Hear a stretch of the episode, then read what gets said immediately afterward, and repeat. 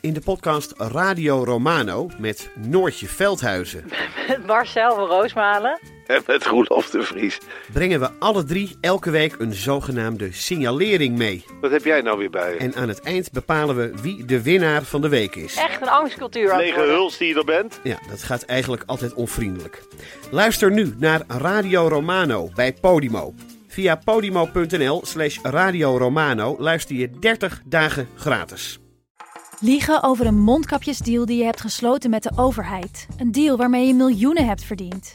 Dat doet toch alleen Siewert van Liende? Nou, nee. Ik ben Felicia Alberding en in de Mondkapjesmiljonairs duik ik met een team van correspondenten in andere schandalen. Want wist je dat Siewert helemaal niet uniek is? Luister de Mondkapjesmiljonairs in je Podimo-app. Of ga naar podimo.nl slash mondkapjes. En probeer Podimo 30 dagen. podimo.nl slash mondkapjes. the beginning that you have made with such courage and with such hope for peace, let us decide one thing. It must go on face to face between us and between you, so that even an old lady like I am will live to see the day. I've always said You always call me an old lady, Mr. President. she's not as old as that. we will live to see the day whoever signs on the part of Israel, I want to live to see that day of peace between you and us, of peace between all our neighbors and us. Dit is Betrouwbare Bronnen met Jaap Jansen.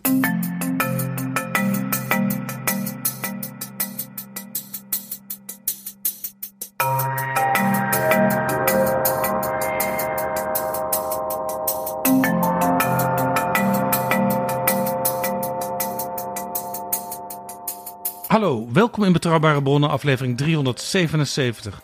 En welkom ook PG. Dag Jaap. PG, we hoorden net een moment van hoop. Een buitenlandsleider bezoekt Israël, net als deze dagen Biden, Macron, von der Leyen en Rutte dat doen.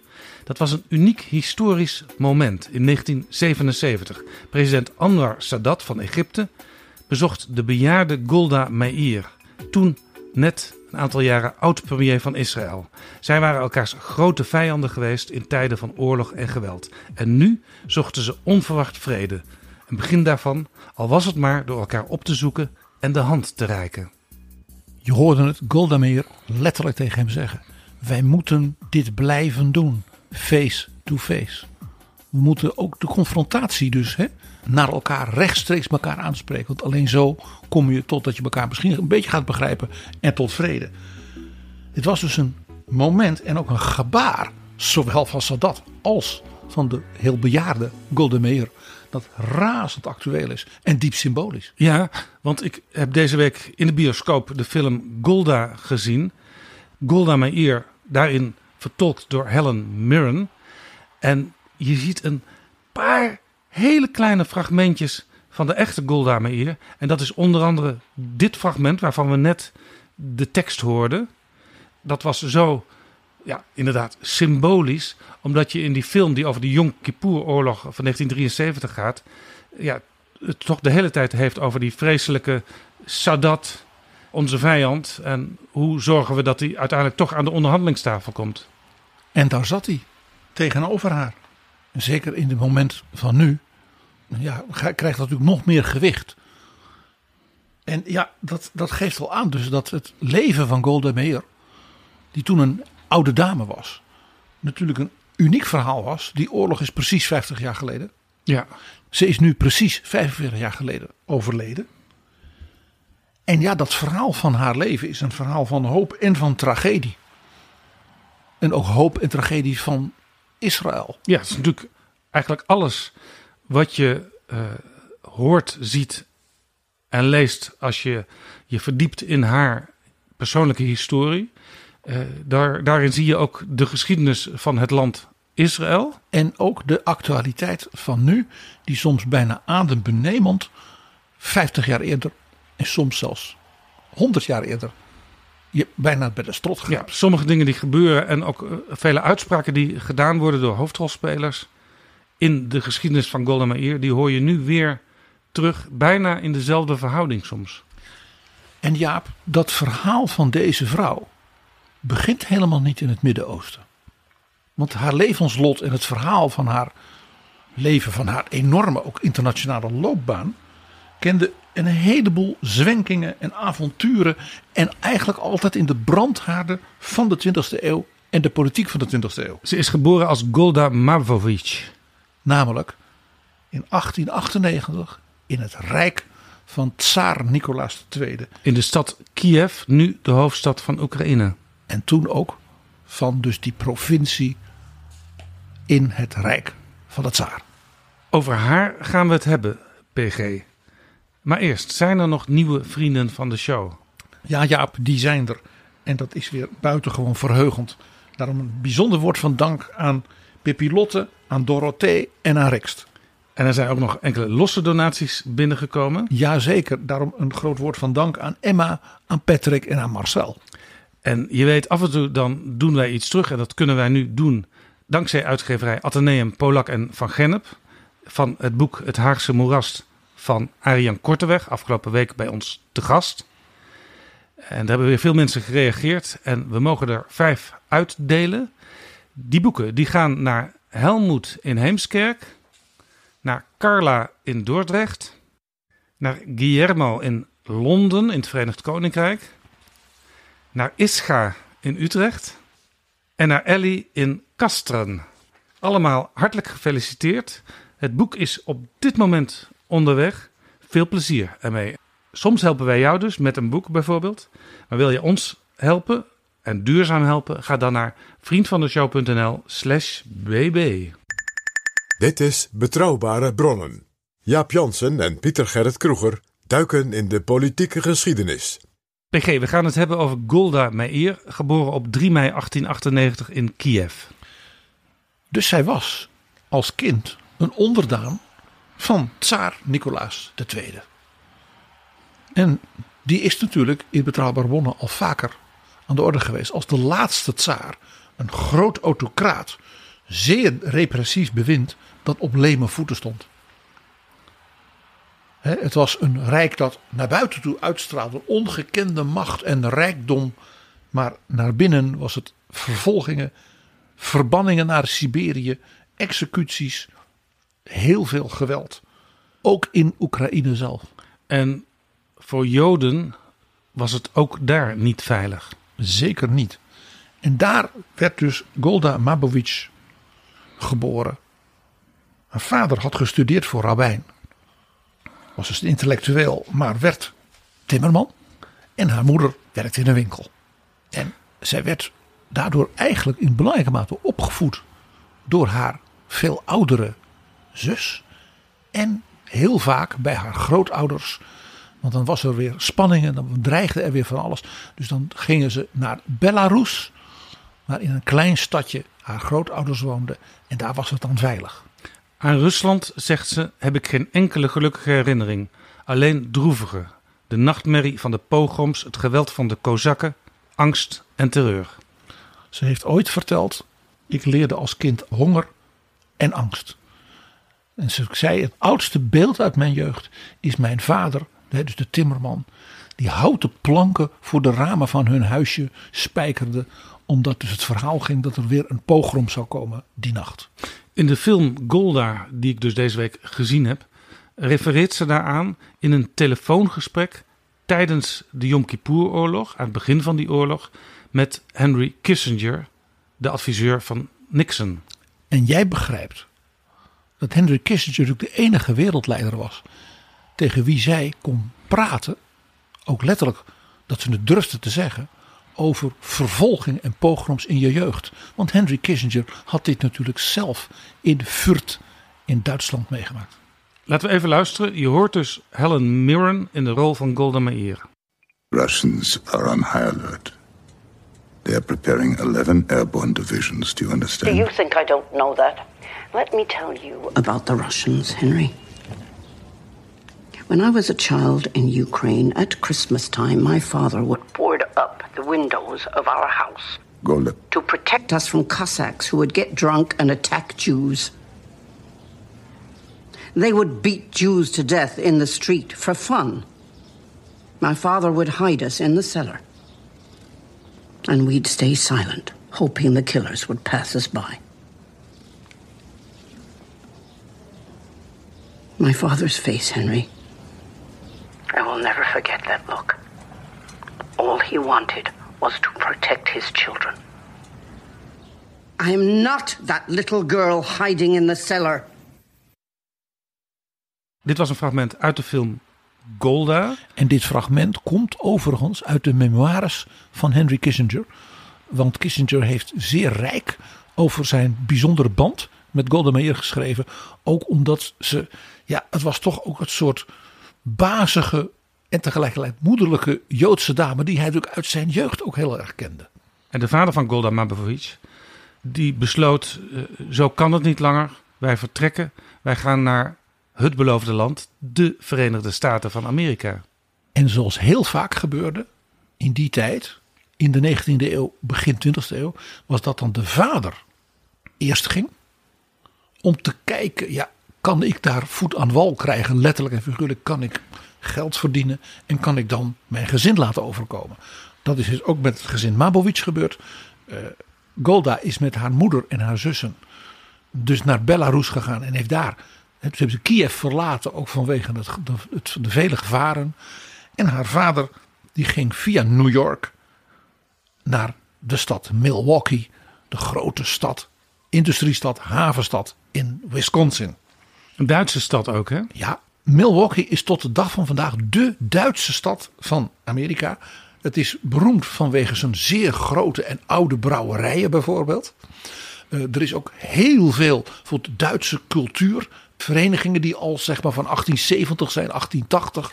Hè, waar dus met koren, waar men Schubert zingt en dat soort dingen. Maar het was ook een hele grote Oekraïnse stad. Chicago, de stad iets zuiders van Milwaukee, de miljoenenstad, is nog meer een Oekraïnse stad. Maar ook Milwaukee en met name dus ook voor Oekraïnse Joden. Dus het is duidelijk dat vader Mabowitsch daar waarschijnlijk via familie of vrienden of via de, de synagogen netwerken een plek heeft kunnen krijgen en een baan en een huis. Want Milwaukee was in die tijd een boomtown. Dus hij liet zijn vrouw en kinderen achter, voorlopig. Maar eigenlijk wist hij al, uh, dit zal waarschijnlijk wel een plaats zijn waar we ons veilig kunnen voelen. Dat was het allerbelangrijkste natuurlijk. Dat je ja, een plek had waar je echt kon blijven en kon leven. En daarom, wat er dus gebeurt, is dat Golda met de rest van de familie naar Milwaukee verhuisd. Via Belarus, uiteindelijk via Antwerpen, zo weten wij, met de boot naar Canada.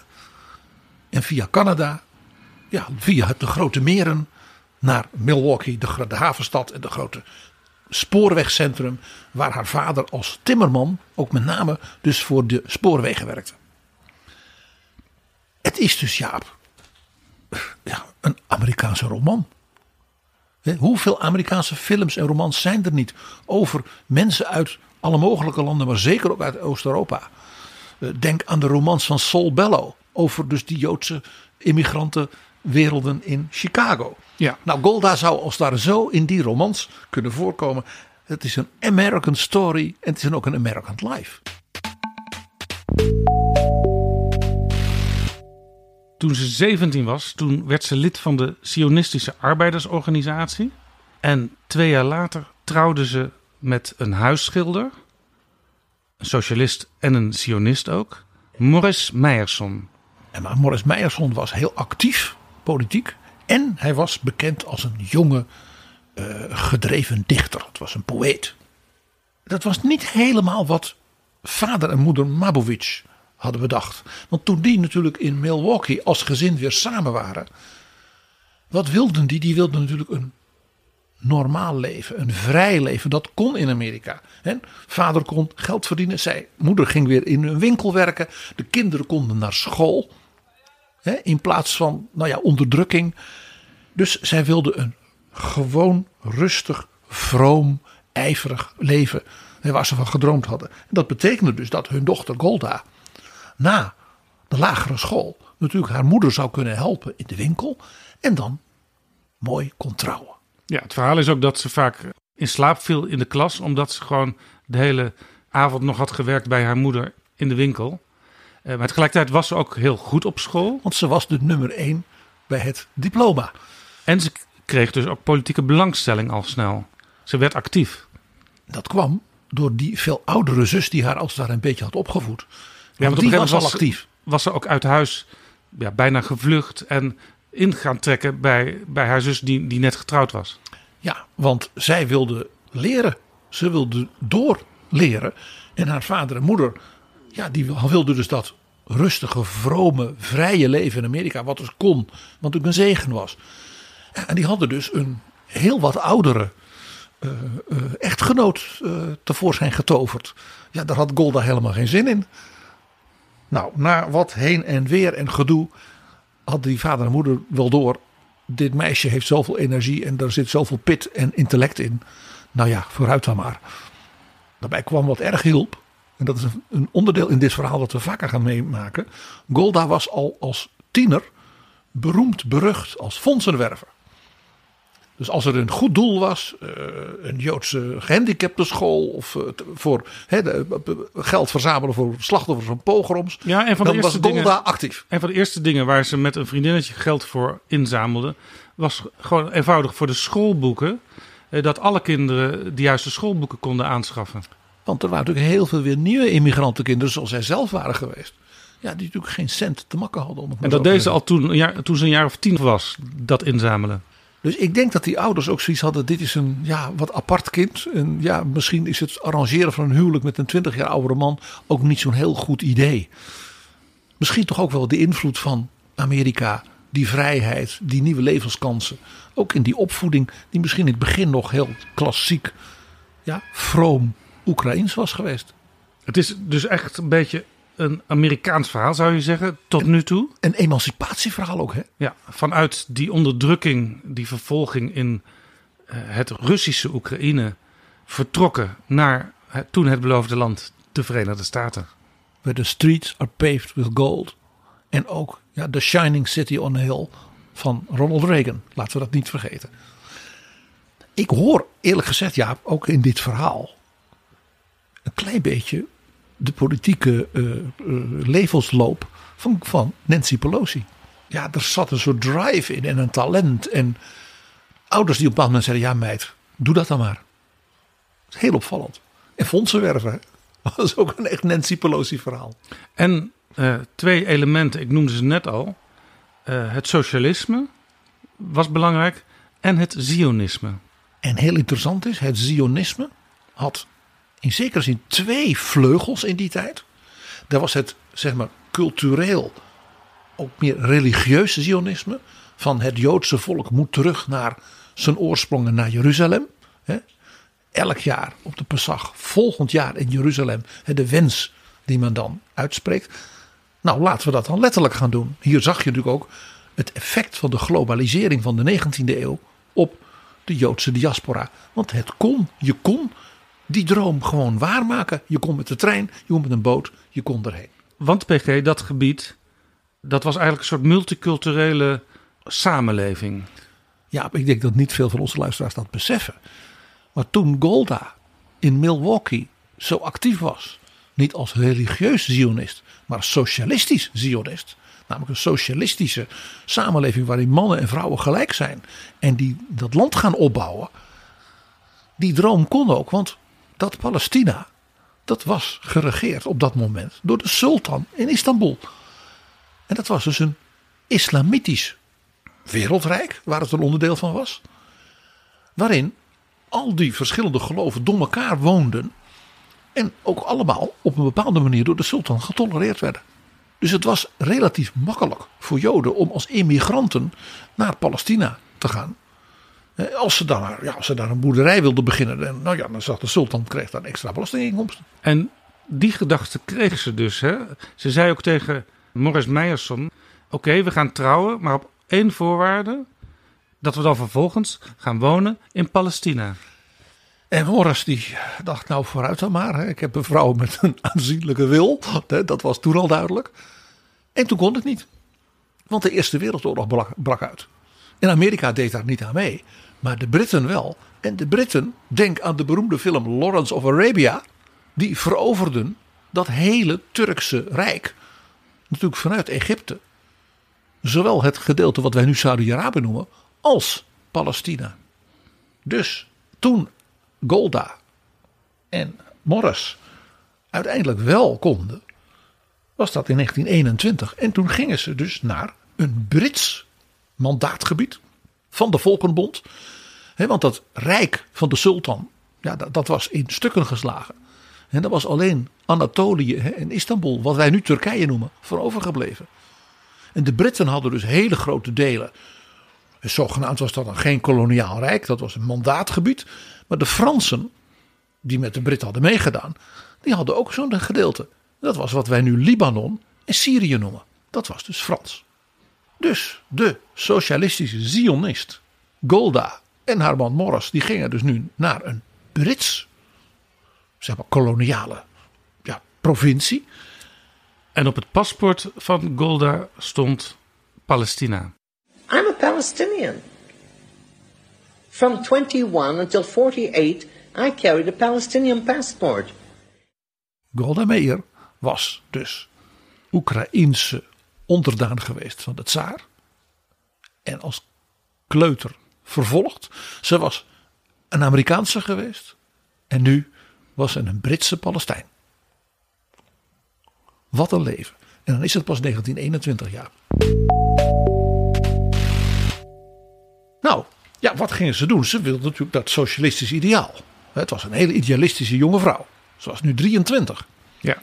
Dus zij heeft gesolliciteerd bij een kibbutz.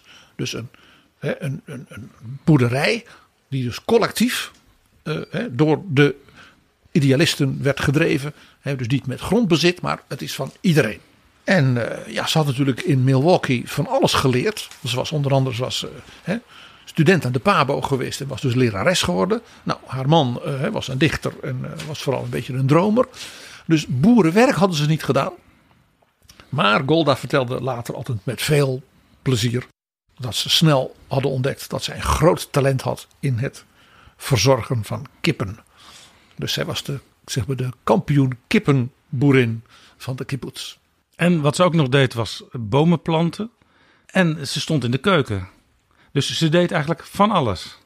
En wat we al een beetje eerder hoorden in haar jeugd, zo jong, men ontdekte al snel als het gaat om leiding geven en om dingen te zien en strategisch en aanpakken en misschien ook wel een beetje af en toe commanderen en mensen bij elkaar brengen. Die gaven, die hadden niet heel, zo heel veel mensen zoals zij. Nee, ze was ook meteen actief in Histradoet. Dat is de grote eh, vakbond. En dat deed ze zo goed dat ze werd afgevaardigd naar de algemene vergadering van die vakbond. En zo werd zij een van de leidende figuren via die algemene vergadering, eigenlijk ongeveer de eerste bijeenkomst, van zeg maar, de vrouwenvleugel van die vakbond. En onthoud, hè, dus dit was de socialistische, linkse kant van het Zionisme, hè, waarin men zei, eigenlijk zijn mannen en vrouwen gelijk. Of, hè, dat was dan officieel niet helemaal in werkelijkheid natuurlijk, want het was natuurlijk toch een hele sterke mannenwereld. Maar Golda was dus ook door haar persoonlijkheid iemand die dat toch een beetje kon afdwingen. Dat vrouwen ja, ook gelijk behandeld werden. Ja, ze werd secretaris van de Vrouwenraad. En daarmee had ze dus voor het eerst een soort nationale rol in dat nieuwe Britse mandaatgebied. Waarbinnen dus er een soort Joodse gemeenschap was die zichzelf organiseerde. En die voor al die nieuwe immigranten die uit heel Europa en zo kwamen. Nauwelijks uit Amerika. Dat is heel interessant. Golda en haar man waren een van de zeer weinige Amerikanen. Die zeiden: Ik laat de vetpotten van Egypte, om maar eens in het Bijbels te zeggen, van Amerika, de street of paved gold, achter mij. Ik ga in zo'n kibbutz werken. Dat was dus heel apart. Maar wat ze nodig hadden, was natuurlijk aandacht en geld. Ja, en waar was nou veel geld in de jaren twintig, Jaap? In Amerika. In Amerika. En wie kende de Amerikaanse samenleving? Snapte hoe je Amerikanen Dat was Golda. aanspreekt? Ja, ze sprak natuurlijk Amerikaans-Engels. Zelfs de bejaarde Golda Meir hoor je nog het accent beetje Midwestern accent van de mensen in Wisconsin. Ze ging zelfs twee jaar terug naar de Verenigde Staten, 1932, 1934, om contacten te leggen, fondsen te werven. En toen ze vervolgens terugkeerde in Palestina, werd ze lid van het dagelijks bestuur van de vakbond. Want ze had natuurlijk wel door dat die reizen van haar, eh, die leverden. De bedragen die zijn af en toe adembenemend wat ze daar binnenhaalden. En wat nog veel belangrijker was voor een vrouw met ambitie en power en natuurlijk misschien wel perspectief. Zij bouwden natuurlijk een enorm netwerk op in Amerika. In de politiek, in de media, want ze moest natuurlijk verhalen houden. Ze trok met de trein door heel Amerika. Ja, je begrijpt, mijn hart gaat kloppen hè, als treinreiziger in Amerika. En sprak voor al die Joodse bijeenkomsten, grote zalen. En ja, dus ze kende ook de elites en de charity-organisaties van heel Joods-Amerika, maar ook van de andere politieke partijen in Amerika, die weer belang hadden bij support van de Joodse kiezers. Ja, en ze haalden al gauw miljoenen op daar in Amerika. Enorme bedragen. Een voorbeeld, Jaap, hoe zij een zaal in één keer voor zich kon winnen. Want dan dachten ze, daar is die Golda weer, ze komt weer voor geld. Hè? Dus dan legden ze uit, we zijn met de kibbutzim, hè? we zijn nu bezig, we hebben nu zoveel nieuwe kibbutzen, er zijn zoveel duizenden nieuwe mensen, daar moeten we weer onderdak voor hebben. Die nieuwe boerderijen die zijn binnen drie, vier jaar zelfvoorzienend en onze economie gaat omhoog, maar help ons. En ja, zei ze dan tegen de Amerikaanse zaal vol, ik kan het ook niet helpen. Het is natuurlijk allemaal de schuld van ons oude testament, van onze Torah. Want u weet het, die Mozes, die heeft toen die slaven van de farao eerst 40 jaar door die woestijn laten shocken. En toen heeft hij ze precies naar de enige plek in het Midden-Oosten gebracht waar ze nooit olie hebben gevonden. jij begrijpt, nou zoals jij lacht, zo'n hele zaal natuurlijk een lachsalvo. En dat was natuurlijk wel een manier om geld te verzamelen. Uiteindelijk werd ze binnen de Histradut, de vakbond, hoofd van de politieke afdeling. En daarmee stond zij eigenlijk al in het middelpunt van de politiek van dat land zoals zich dat toen ontwikkelde. Want die vakbond die was overal in Palestina, eh, had hij zijn tentakels. In elke kibbutz was de vakbond actief. En als je daar eenmaal de politieke afdeling leidde, ja, dan, dan was eigenlijk een politieke carrière die was begonnen. Daarbij kwam dat ze vanuit die vakbondrol in feite verschoof van de vakbond dus onderhandelen met de werkgevers en met, uh, maar ook met de overheid. Uh, naar met de overheid over, maar wat gaan we nou doen? En dat was dus na 1945, na de Tweede Wereldoorlog. En dus ook na de Shoah.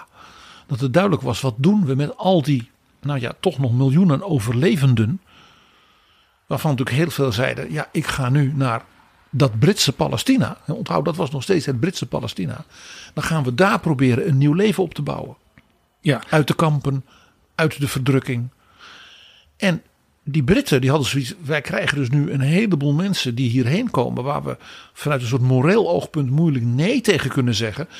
Maar waar we natuurlijk de grootst mogelijke politieke problemen mee krijgen. Dus wij hebben mensen nodig van de inwoners van Palestina van Joodse afkomst die die mensen kunnen opvangen, die het kunnen organiseren en die tegelijkertijd ja, voor het Britse gezag aanspreekbaar waren. En daarvoor werd opgericht de Jewish Agency. Ja. En daar werd Golda Meir, want ze heet inmiddels wel Meir, wat de stralende betekent. Golda Meir werd dus de hoofdonderhandelaar van dus die, zeg maar in feite die nieuwe Joodse gemeenschap. Ja. Met dus de bazen van het Britse koloniaal bewind. Ja, ze had dus een Hebreeuwse naam aangenomen, Meir. En ze had al weer een nieuwe les geleerd. Uh, eigenlijk al voor dat moment wat jij nu aanstipt. Uh, want in 1938 was ze al waarnemer op de conferentie in Evian. Bijeengeroepen door president Roosevelt van de Verenigde Staten. Dus zij ook weer als Amerikaanse vrouw hè, werd dus door die Histadrut en de Jewish Agency daarheen gestuurd als waarnemer. Kijk wat we kunnen doen. Want die conferentie was bedoeld om afspraken te maken voor als het ware de emigratie van verdrukte Joden. Dus denk een jongen als Heinz Alfred Kissinger naar weg uit Nazi-Duitsland. Ja, en 32 landen daar bijeen Eh, Die zeiden, we vinden het allemaal vreselijk wat er nu aan het gebeuren is. Ook Nederland was daarbij. Maar ja, toch zeiden ze vervolgens niet, kom maar bij ons. Bij ons ben je veilig. En toen heeft Golda voor zichzelf besloten, er is één ding wat ik hoop nog te kunnen zien voordat ik ooit zal sterven. Dat mijn volk nooit meer hoeft te vragen om betuigingen van, van sympathie. Eh, Dat we het zelf wel kunnen regelen dan. I do not believe that any country's fate in the world uh, can be decided upon by um, other powers. Als we het niet zelf doen, een ander zal het niet voor ons doen. Dat was behoorlijk bitter natuurlijk. Maar het was wel de werkelijkheid. En dus ook de werkelijkheid van de toch in vele opzichten politiek zo geroemde president Roosevelt. Die op dit punt eh, een vrij harde en cynische politicus was. Die liet dus wel Joden toe om dan de Joodse kiezers in de Verenigde Staten te zeggen: nee, ik doe heel veel. Maar tegelijkertijd, het State Department was berucht omdat ze zoveel mogelijk afhielden en de president wist dat. PG, zij speelde dus een sleutelrol namens de Joden in Palestina in het overleg met de Britten die daar de baas waren.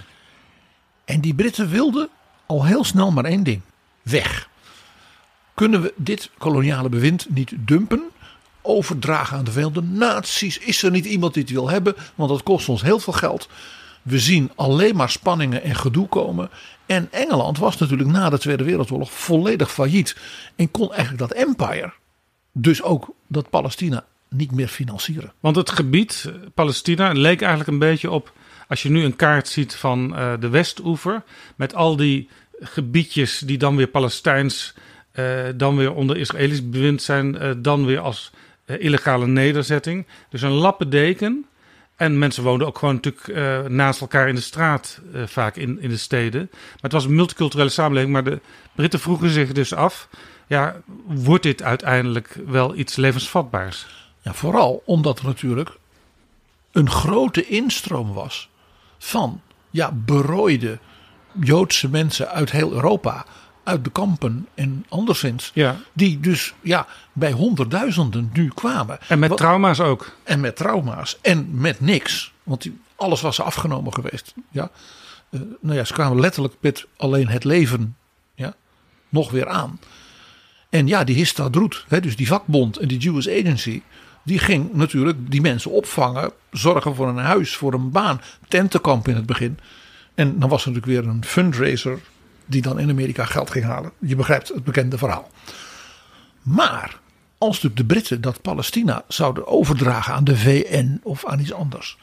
Ja, dan was er natuurlijk een buurland. Wat ook Brits was. En dat dan zou worden geregeerd. Want dat, dat zou dan ook worden overgedragen. Door het Hashemitische koningshuis. En dat was Jordanië. Koning Abdullah was daar aan de macht. Precies. Dus de Jewish Agency zei van. Wij moeten dus kijken of we dan straks hè, dat nieuwe Palestina waar de Britten dan weggaan. In wat voor soort krachtenveld komen wij? Want je hebt Egypte.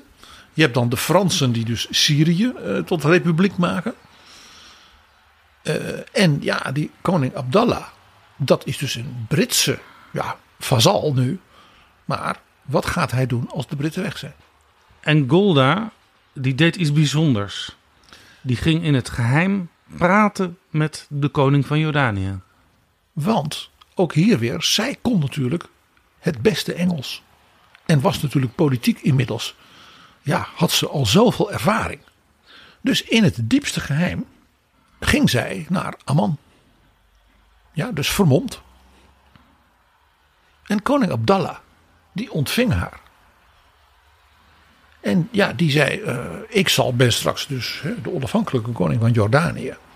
En ik begrijp, eh, mevrouw Meijer, hè, dat u met de Jewish Agency natuurlijk een soort Joods deel van dat nieuwe Palestina gaat organiseren. En ik meld u maar, we hebben er alle twee belang bij dat we van ons nieuwe land een succes maken. En zeer interessant, hij gaf dus ook aan dat hij niets moest hebben van de mufti van Jeruzalem. En jij weet, de mufti van Jeruzalem was een soort spiritueel leider van de moslims in Palestina. Die op bezoek was geweest, onder andere bij Adolf Hitler. Wat kunnen wij samen doen tegen de Joden? Dus dit was een heel belangrijk soort ruggensteun die Golda Meir daarmee bij dus deze Arabische buur en vorst kon binnenhalen. Ja, en dat moest allemaal in het geheim. Want Niemand mocht dit weten. Die koning kon natuurlijk niet aan zijn Arabische buren laten doorschijnen dat hij eigenlijk wel sympathie had voor de mensen die uiteindelijk de staat Israël wilden oprichten. En dat hij dat ook vanuit een zeer ingecalculeerd eigenbelang deed. Dit is het thema, Jaap. Daarom is het goed dat we het even aanstippen. Dat we natuurlijk in het hele verhaal tot en met de dag van vandaag. we voortdurend weer zien. als er spanningen en oorlog en ellende is in het Midden-Oosten. Hoi, ik ben Alexander Klupping. Ik weet dat jij, net als ik, met heel veel plezier luistert naar betrouwbare bronnen. Maar je zou Jaap en PG echt helpen als je nu vriend van de show wordt. Dat kan met een donatie per maand of per jaar. En dan kunnen ze nog veel meer afleveringen maken. En zeg nou zelf, dat wil jij ook. Dus ga nu naar vriendvandeshow.nl slash bb. En doe het niet straks, maar nu. Dan komt 14 mei 1948. De Britten die hebben er genoeg van en trekken zich gewoon terug. En ja, de VN had geprobeerd oplossingen te vinden, maar de VN had het gezag niet. Dus de Britten hebben gewoon de boel de boel gelaten. Niet heel erg verantwoord geopolitiek, maar ja, ze hadden geen geld meer. En toen besloot dus de Jewish Agency om dan maar een eigen staat, Israël, uit te roepen. Ja, er kwam een onafhankelijkheidsverklaring en een van de ondertekenaars was Golda Meir. Eén van twee vrouwen naast tientallen mannen. Ik lees voor wat zij daarover vertelde. Toen ik Amerikaanse geschiedenis kreeg als kind op school en ik las dan over die mannen die de Declaration of Independence tekenden. Ik kon me niet voorstellen dat dat echte mensen waren die ook iets echts deden. En daar was ik. Ik zat en tekende een onafhankelijkheidsverklaring. En toen kwam er natuurlijk een regering, maar ze werd geen minister in het nieuwe kabinet. Ze hadden haar vergeten, zou je misschien kunnen zeggen. Ja, dat was toch weer een mannending. Heel klassiek, heel ouderwets. Er was een linkse regering van de arbeiderspartij en de vakbond, de Stadroet, maar het waren toch allemaal mannen.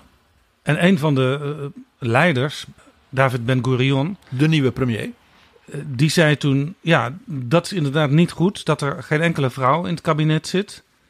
Het is eigenlijk noodzakelijk, moreel en politiek, dat er ook vrouwen deelnemen. En Golda Meir was een van zijn grote bondgenoten binnen de partij. En hij wist natuurlijk van haar geheime relatie, zal ik maar zeggen, met bijvoorbeeld koning Abdullah. Dat was natuurlijk niet iets wat je uitgebreid in de notulen van de ministerraad uh, noteerde. Maar hij wist dat. Een van de eerste landen in de wereld die Israël erkende als staat was Sovjet-Rusland. En daar is ze ook even ambassadeur namens Israël geweest. Dat vond ze helemaal niet leuk, want ze zei: Hebben we eindelijk een eigen land? Word ik weggestuurd? Mag ik niet eens in mijn eigen land wonen? Nee, ze ging terug naar het land van haar kindertijd. Zij kwam natuurlijk als ambassadeur, eerste ambassadeur van Israël, dus van die nieuwe staat, in Moskou. En dat was dus in de laatste jaren van het leven van Jozef Stalin, toen hij zo paranoïde was geworden dat er grote antisemitische vervolgingen ja. ontstonden in Moskou. Dus zij werd ook nog weer geconfronteerd met dingen uit haar vroegste jeugd, nu in de Sovjet-Unie. Dus zij vond het verschrikkelijk om daar te zijn. En ik denk dat hier dus dit ook een rol speelde. Maar in een volgend kabinet zat ze wel. En toen werd ze minister, wij zouden zeggen, van Sociale Zaken ja, en minister. Minister van Arbeid. Ja. En dan denk je, wat moet nou een minister van Arbeid? Het is, ze heeft het zelf gezegd, de gouden jaren van haar leven geweest. Want wie moest organiseren? Dat er dus banen kwamen en een huis en eten. En wij zouden nu zeggen een uitkering. En ja, voor al die honderdduizenden mensen. Eerst uit Europa, daarna ook uit andere landen in de wereld. Met name ook Arabische landen. Die de Joden als het ware eruit gooiden. Ook weer met pogroms. Dus zij ja, zij kon met die mensen meeleven, want ze had dat zelf meegemaakt. En dat je dus met niks aankomt, hè, zoals zij met niks aankwam in Milwaukee, maar haar vader was er gelukkig. Nou, zij werd een beetje ja, een soort moeder van al die immigranten. Ze was ook befaamd omdat ze nogal streng was. Van ja, we hebben nu een tentenkamp. Ik heb ook niks beters op dit moment. Maar aan de slag leren, bijspijkeren. We zijn bezig met huizen. En ja, mensen wisten dat als zij dan dat ook zei, dat het gebeurde. Ook als het, het eerste jaar tegenviel. Maar je wist, op Golda kon je bouwen. En een ding, misschien ook wel belangrijk om op dit moment te vertellen, PG. De Britten eh, waren dus eigenlijk met staart tussen de benen vertrokken. Uh, er kwam een onafhankelijkheidsverklaring. Maar ja, uh, niet iedereen zat natuurlijk daarop te wachten. De rol van de Amerikanen op dat moment was heel belangrijk. En misschien ook wel mede te danken aan de eerdere rol van Golda Meir als trait tussen Palestina en de Verenigde Staten. Want de Amerikanen die lieten blijken, wij staan achter jullie, wij zullen jullie helpen. En terwijl ze dus minister van Sociale Zaken was en dus een waanzinnige ja, portefeuille had. Want zij moest in feite die opbouw van dat land van de grond af organiseren. Ging ze opnieuw naar Amerika met de trein reizen. En ja, Jaap, jij begrijpt wat ze deed. Fundraising. En dan kwam ze dus uh, gewoon zeggen van ja, we hebben nu dat land. We zijn bezig die honderdduizenden, honderdduizenden slachtoffers, overlevenden van de Shoah op te vangen. En dat is niet alleen maar een huis, dat is ook heel veel, ja, wij zouden zeggen geestelijke gezondheidszorg. Mensen weer geloof in het leven geven en alles. En u, Amerikanen, help ons. Ja, en Israël, het nieuwe Israël, werd ook een beetje door sociaaldemocraten eh, overal in de wereld gezien als eh, iets van hen. Want het was een, toch een socialistisch land. En bijvoorbeeld in Nederland, waar wij natuurlijk ja, toch ook een soort van schaamte hadden over het lot van de Joden in de Tweede Wereldoorlog tijdens de Duitse bezetting. daar had ze ook echte fans. En een van die fans was Joop den Uyl, de latere leider van de Partij van de Arbeid.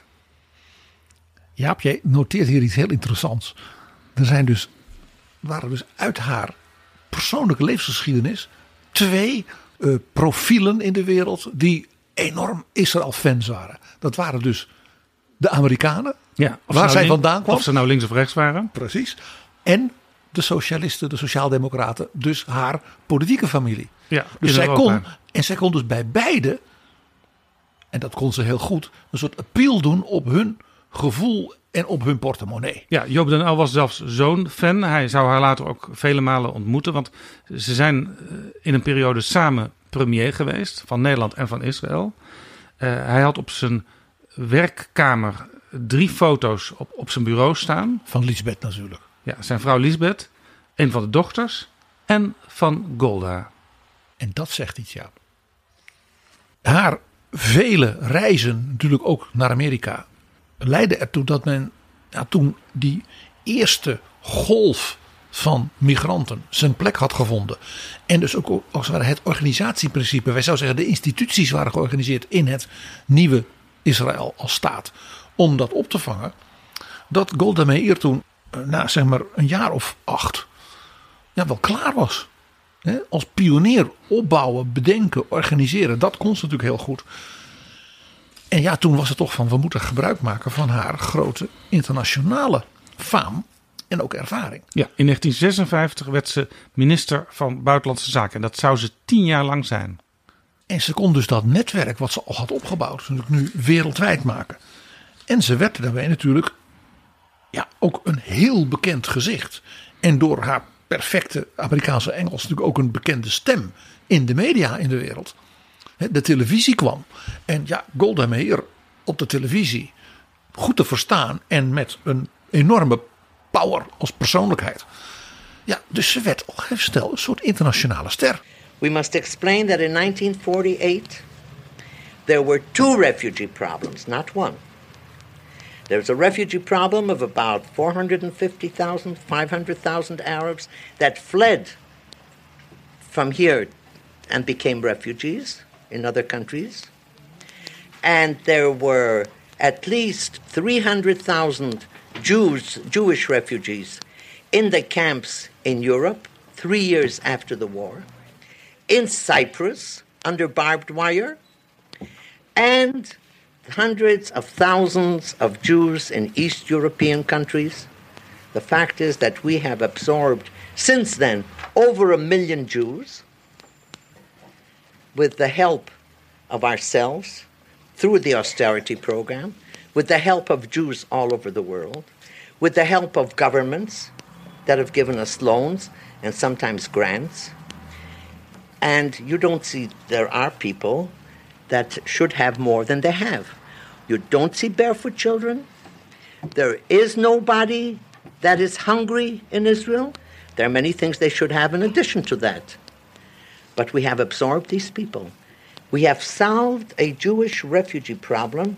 The fact is that for the first time in Jewish history, maybe, since 1948, there are no Jewish refugees in the world. We hadden het er al even over, hè, wat ze vertelde over Mozes en de olie. Golda had een bepaald soort droge humor, die het erg goed deed, zeg maar, in de internationale media. Ja, dat moet je ook maar ontdekken. Nou, dat wist ze dus waarschijnlijk al, al uit haar vele tournees. Ja, want e- een van die uh, uitspraken van haar. Jij vertelde, ze kwam uit een vroom gezin daar in Amerika. Maar zelf beschouwde ze zich allengs als uh, niet-gelovig, als atheïst. En op een gegeven moment zei ze: Ik geloof in het Joodse volk. En het Joodse volk gelooft in God. En daarmee had ze zoiets van. Dus hij hoort er wat mij betreft er ook bij. Maar ze kon ook, en dat hoorde je al, de hele oude Golda helemaal in het begin hè, bij Sadat. Soms in hele korte, intense formuleringen ook de strijd en de worstelingen formuleren. Haar werd ook gevraagd ooit, ja, maar al die vreselijke oorlogen en die dat terrorisme. Kunt u die Arabieren, die terroristen, ooit vergeven? Voor wat ze dat allemaal aangedaan hebben. En toen heeft ze de schitterende, maar ook bittere woorden gesproken. Wij, hè, dus wij Israëli's, wij kunnen onze Arabische buren wel vergeven dat zij onze kinderen doden. We kunnen alleen niet vergeven dat zij ons dwongen hun kinderen te doden. Ook dit uh, is weer een blik op de actualiteit van nu, zou je kunnen zeggen. De, de, deze zin van haar, daar moet je ook verder niet van commentaar voorzien. Want het is zo intens actueel.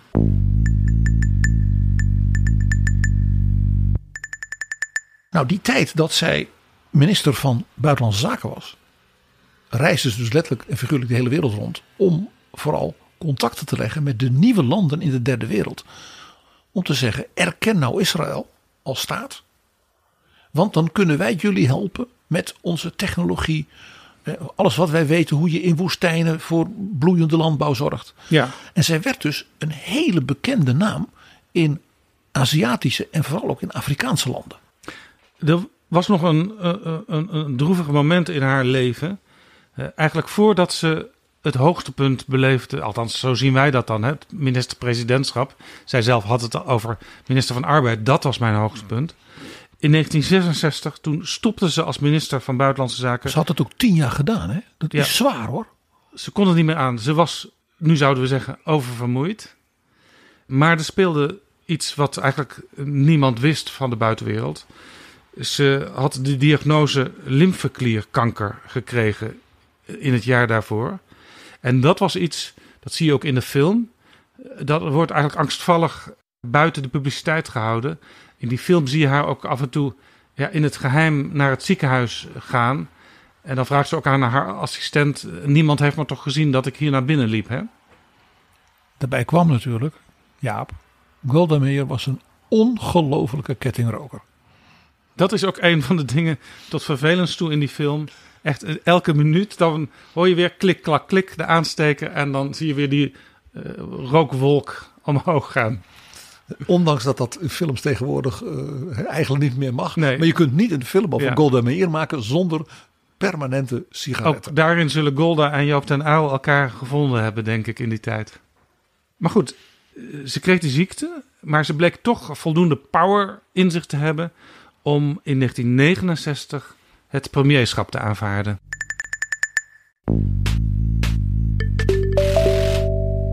Dit is Betrouwbare Bronnen, een podcast met betrouwbare bronnen. En we praten over Golda Meir. Ja, ze was natuurlijk tien jaar minister van Buitenlandse Zaken geweest. Daarvoor natuurlijk de enorme klus wat haar hart zo had. Minister van Arbeid. En wat een leven, Jaap. Ik bedoel, hè? we hebben het nu al een tijdje over Golda Meir van onze luisteraars. En ze is nog niet eens premier, zal ik maar zeggen. Dus besef, luisteraar van Betrouwbare Bronnen. Deze vrouw was met 68. Dacht ze, ik ben klaar. Ik ben misschien wel zo ziek hè, dat ik niet lang meer heb. Ze had sowieso natuurlijk wel kwaaltjes, want ze liep ook op speciale schoenen. Orthopedische schoenen. En die werden in eh, Israël Golda schoenen genoemd. Na allerlei Golda. Eh, sterker nog, eh, eh, zelfs de vrouwelijke soldaten die, die droegen die schoenen. En ook die noemden het Golda schoenen. Want dat waren van die stevige, niet heel elegante, maar niet stuk te krijgen schoenen waar je dus goed op kon lopen. Dus dit was heel mooi. Dus zag je dus ook dat zij voor de jonge Israëli, dus de soldaten, de mannen en de vrouwen, dat zij een begrip was. Dat waren de schoenen van Golda. Nou ja, nu we het toch over het leger hebben, Jaap, om het even eens bruut te zeggen. eh, net toen zij geen minister meer was, brak natuurlijk de zogenaamde Zesdaagse Oorlog uit. Ja. In 1967. Zes dagen, dus het was ook snel voorbij. Het was een ongelofelijke militaire gok. Israël- En een ongelooflijk militair succes. Het jonge Israël werd van drie kanten aangevallen. En heeft toen gedacht, dan slaan wij zelf eerder toe.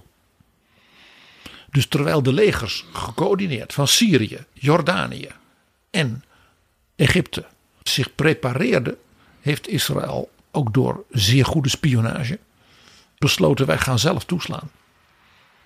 En hebben eh, ja, in, inderdaad in zes dagen alle drie hun buurlanden militair gewoon de pan ingehakt. Dat is het enige wat je kan zeggen. De treurigheid was dat dus de vriend van Golda Meir in de Arabische wereld, koning Abdallah, die was inmiddels vermoord. En zijn zoon Hussein, ja, die durfde dus niet, niet mee te doen. Met name omdat meneer Assad, de president van Syrië, jawel, de vader van de huidige, er zulke druk op zette. En hij bang was dat als hij niet meedeed, Assad dan eerst in Jordanië militair een soort koep zou plegen. Ja, maar het resultaat was dus dat Israël, eh, door zelf het initiatief te nemen, vanaf dat moment een veel groter gebied onder zich had. Het veroverde die hele Westbank van de Jordaan. Dat was dus, onthoud, Jordaans gebied van koning Hussein. Het vernietigde het Egyptische leger aan de grenzen en de Egyptische luchtmacht. Zodat de Israëlische tanks in één keer zo de hele Sinai de woestijn door konden rijden tot aan het Suezkanaal. Dus in feite kreeg Israël daar in het zuiden een enorme buffer. De woestijn die, die groter is dan, dan, is, dan het Israëlgebied zelf. Het Israël na die veroveringen was bijna vier keer zo groot als het Israël daarvoor. En aan de noordkant eh, bezette Israël de Golanhoogvlakte. En dat was militair een heel belangrijk moment. Want vanaf die hoogvlakte lag Israël altijd letterlijk onder schootsvuur. Daar stonden dus heel veel uh, Sovjet-artillerie. dat was allemaal vernietigd. Ook die uh, Syrische tanks die probeerden op te rukken waren vernietigd. En doordat ze die Golanhoogte, dus dat Israël die bezetten, hadden ze in feite een soort balkon richting Aleppo, richting Damascus. En eigenlijk hadden ze dus die president Assad permanent bij de keel. Dat betekende dus dat was een militaire triomf en veranderde daardoor psychologisch de situatie van Israël volledig. Ja. Onthoud dat hier iets heel wezenlijks bij is. Ze hadden de stad Jeruzalem veroverd. Want dat was onderdeel van dat Jordaanse stuk heerschappij. Dit bood natuurlijk tegelijkertijd op een rare manier een enorme kans.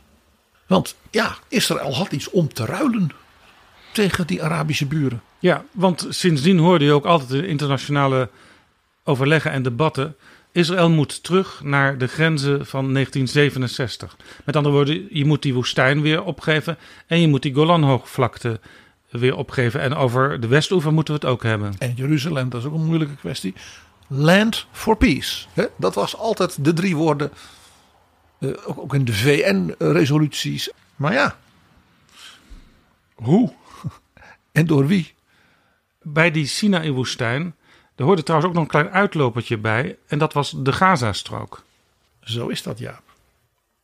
Na die oorlog, en er kwam een soort wapenstilstand en dergelijke, had men een premier in Israël nodig. Omdat de premier plotseling stierf.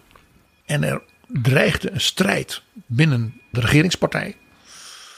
En ze hadden eigenlijk een soort bemiddelende compromisfiguur nodig. Met heel veel gezag en heel veel ervaring. Ja, want de regeringspartij, dat was een coalitie van, van kleinere groepen. Eh, ja, dat zie je wel vaker in de politieke geschiedenis, zou je kunnen zeggen. Eh, maar die groepen kunnen dus ook weer uiteenvallen of, of nieuwe vormen krijgen. Dus dat waren verschillende vleugels van de, de Arbeiderspartij. In feite dus de erfgenaam van die Histadrut. Die vakbond waarin zij dus omhoog gekomen was. Die ook uit verschillende groepen. Die vrouwenvleugel en de kibbutzim en dergelijke. En dus die partij was eigenlijk ook zo gaan functioneren zoals men gewend was in Histadrut. Ja, en wie had daar nou ervaring mee? Al sinds de jaren twintig. Dus we hebben het dan iemand die al 40 jaar achter de schermen en ook naar voren, internationaal. Dat was natuurlijk Golda Meir. Ja. Ondanks haar fysieke toestand en het feit dat ze dus inmiddels in 1969 71 was, heeft ze gezegd: vooruit, ik doe het. Op 17 maart 1969 werd Golda Meir premier. En dat zou ze blijven tot juni 1974. Dus in feite een groot deel van de tijd dat zij een oude dame van in de 70 was. Een beetje Adenauerachtig, een beetje Deng Xiaoping. En ze zaten dus met die Sinai-woestijn en met die andere gebieden. Ja, dus ze hadden aan de ene kant buffers. Aan de andere kant was dat natuurlijk een reden voor de buren om natuurlijk Israël te haten. En te kijken, kunnen we niet nog een keer terugslaan? Dus wat deed Golda Meir? Die had natuurlijk heel goed door dat in maart 69 er in Amerika een nieuwe president was gekomen, namelijk Richard Nixon. En die was helemaal niet zo geïnteresseerd in de binnenlandse politiek, maar vooral in de geopolitiek en de buitenlandse politiek. Dus Golda Meir dacht: hoe kan ik de president van Amerika nou mijn vriend maken? De lijn was: you can be a peacemaker. Dus door hem een soort van eer te geven. U bent de honest broker in het Midden-Oosten. Het probleem was natuurlijk dat die Arabische landen natuurlijk zeiden dat Amerika, dat is een imperialistische, Ja. kolonialistische macht dat Niet Israël steunt. Dus de kunst was de Amerikaanse president als daar voor je aan het werk te zetten. Maar nu niet zo voor je voor aan het werk te zetten. Dat hij als het ware Israël zou dumpen om vriendjes met de Arabieren te worden. Zoals de Fransen hadden gedaan. Ja, het is heel subtiel. Nou ja, dat was wel iets eh, natuurlijk voor Golda Meir om dat subtiel te doen. En ze had natuurlijk nog een bijzondere figuur daar. En dat was Henry Kissinger, de National Security Advisor. Ja, Die natuurlijk een levensverhaal had dat een beetje leek op Golda. dat hoorden we in het begin al. Dus zij heeft geprobeerd met Nixon en met Kissinger te bedenken hoe komen we hier nou uit. En Nixon, de slimmerik, die liet dat niet Kissinger doen, want die moest onzichtbaar blijven. Bovendien, omdat Kissinger van Joodse afkomst was, zei Nixon: zal hij niet worden vertrouwd hier in Amerika als hij gaat bemiddelen bij Israël. Dat was hard van Nixon, maar dat was ook een hele eh, cynische Machiavellist. Dus hij liet dat zijn minister van Buitenlandse Zaken, William Rogers, doen. In werkelijkheid betekent dus dat de president het zelf deed, geadviseerd door Kissinger. Ja. En toch lukte het niet. Ondanks dat Nixon het idee dat hij als een soort vredesvorst zou zijn in het Midden-Oosten.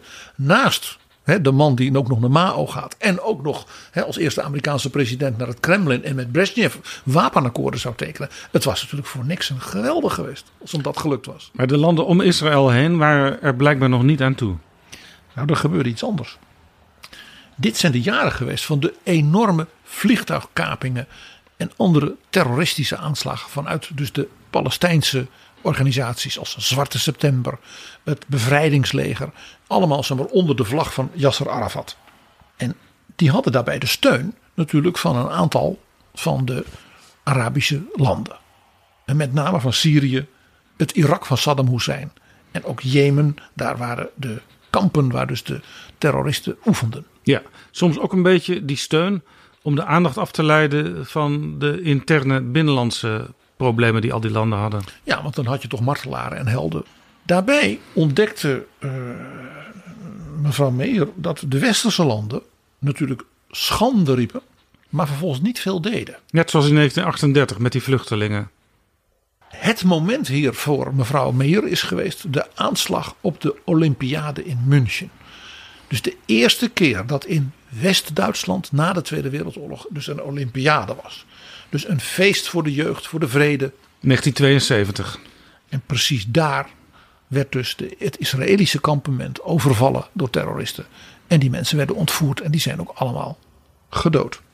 Namelijk bij een mislukte bevrijding op het vliegveld van München.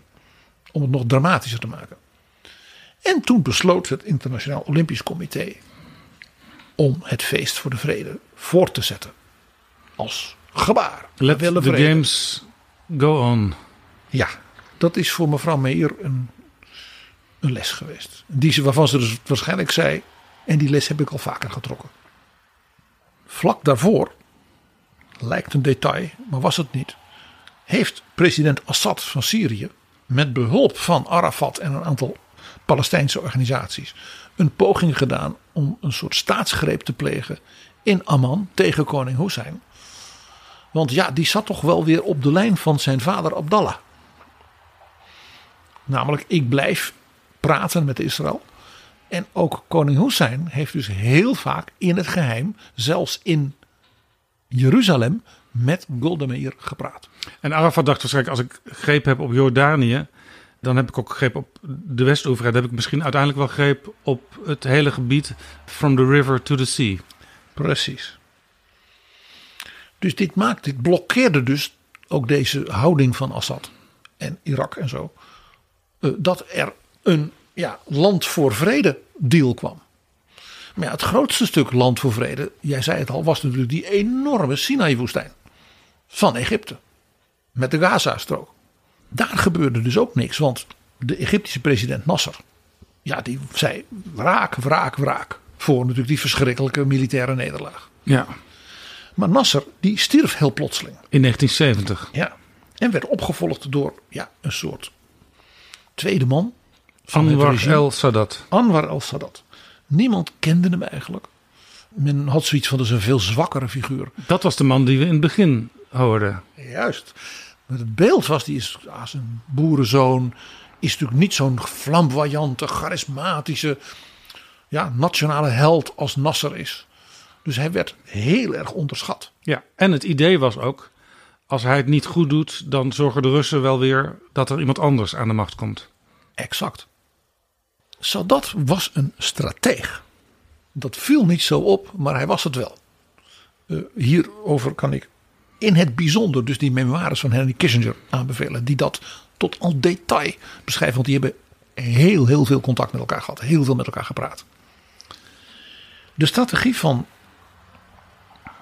Sadat was die vredesregeling gaat er nooit komen zolang Egypte afhankelijk is van het Kremlin. Want dat heeft helemaal geen belang bij vrede in het Midden-Oosten. Dus Sadat dacht, als ik die Sinaï terug wil en ik wil vrede, dan moet ik eigenlijk van die bondgenoot van mij af. En wie zou Israël nou kunnen dwingen? Uh, in alle vriendschap natuurlijk, maar toch.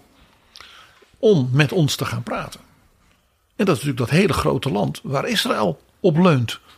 Dat land van Nixon en Kissinger. Dus Sadat kwam op het idee: ik ga de Sovjet-Unie als bondgenoot Egypte uitgooien.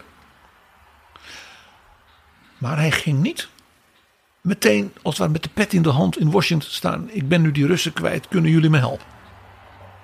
Hij psychologisch zei wij moeten Israël één tik uitdelen. Psychologisch. Zodat we niet alleen maar die sneuwe nederlagen types zijn van die zesdaagse. Had hij ook nodig eh, naar zijn eigen bevolking toe. Hè? Hij moest even laten zien dat hij ook een stoere leider was. En dat de Arabische wereld kon zien. Ah, na Nasser is er weer een nieuwe held die Israël aanpakt.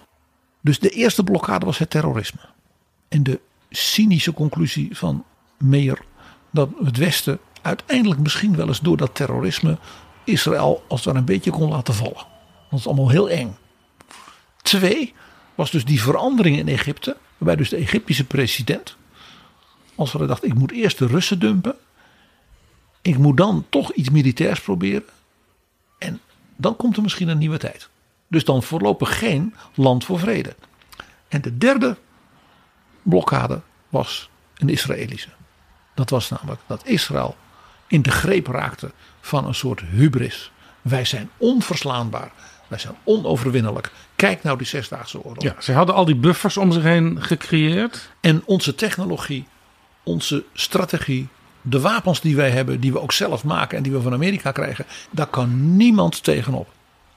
Een gevoel dat de voorbije jaren onder Netanyahu ook misschien wel een beetje heerste. En ze hadden ondertussen ook uh, een veiligheidsdienst die overal zijn tentakels had en ook gewoon uh, de vijand afluisterde. Zeker, en ook uh, aanslagen pleegde en dergelijke. Die was zeer, de Mossad, zeer goed georganiseerd. Dus men dacht, wij zijn onkwetsbaar.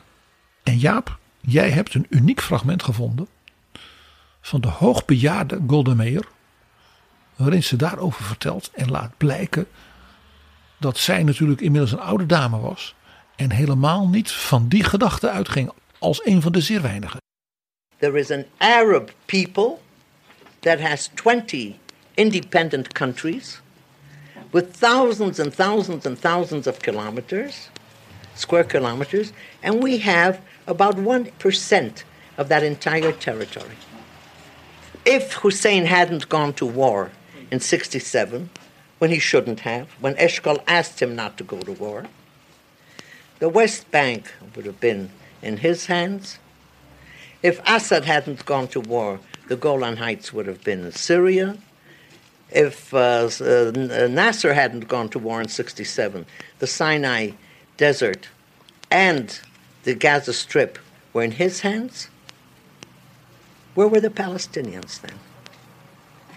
And why do people, good people, tell us if you had only, some Israelis as well, if you had only gone back to the 67 borders after the war, then I always ask a foolish question, but I haven't heard one single wise answer.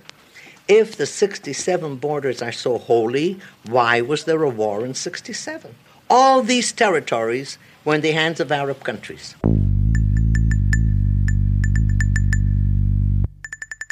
En toen in 1973 brak de oorlog uit. Dat gebeurde op Yom Kippur. Op een hoge religieuze feestdag in Israël, waarbij dus iedereen thuis is en bidt en het leger niet in alarmtoestand is. Ook dat doet weer denken aan de huidige situatie. Want ook Hamas heeft die overval gedaan op zo'n groot religieuze feestdag, 50 jaar na de Yom Kippur-oorlog. Dat is geen toeval.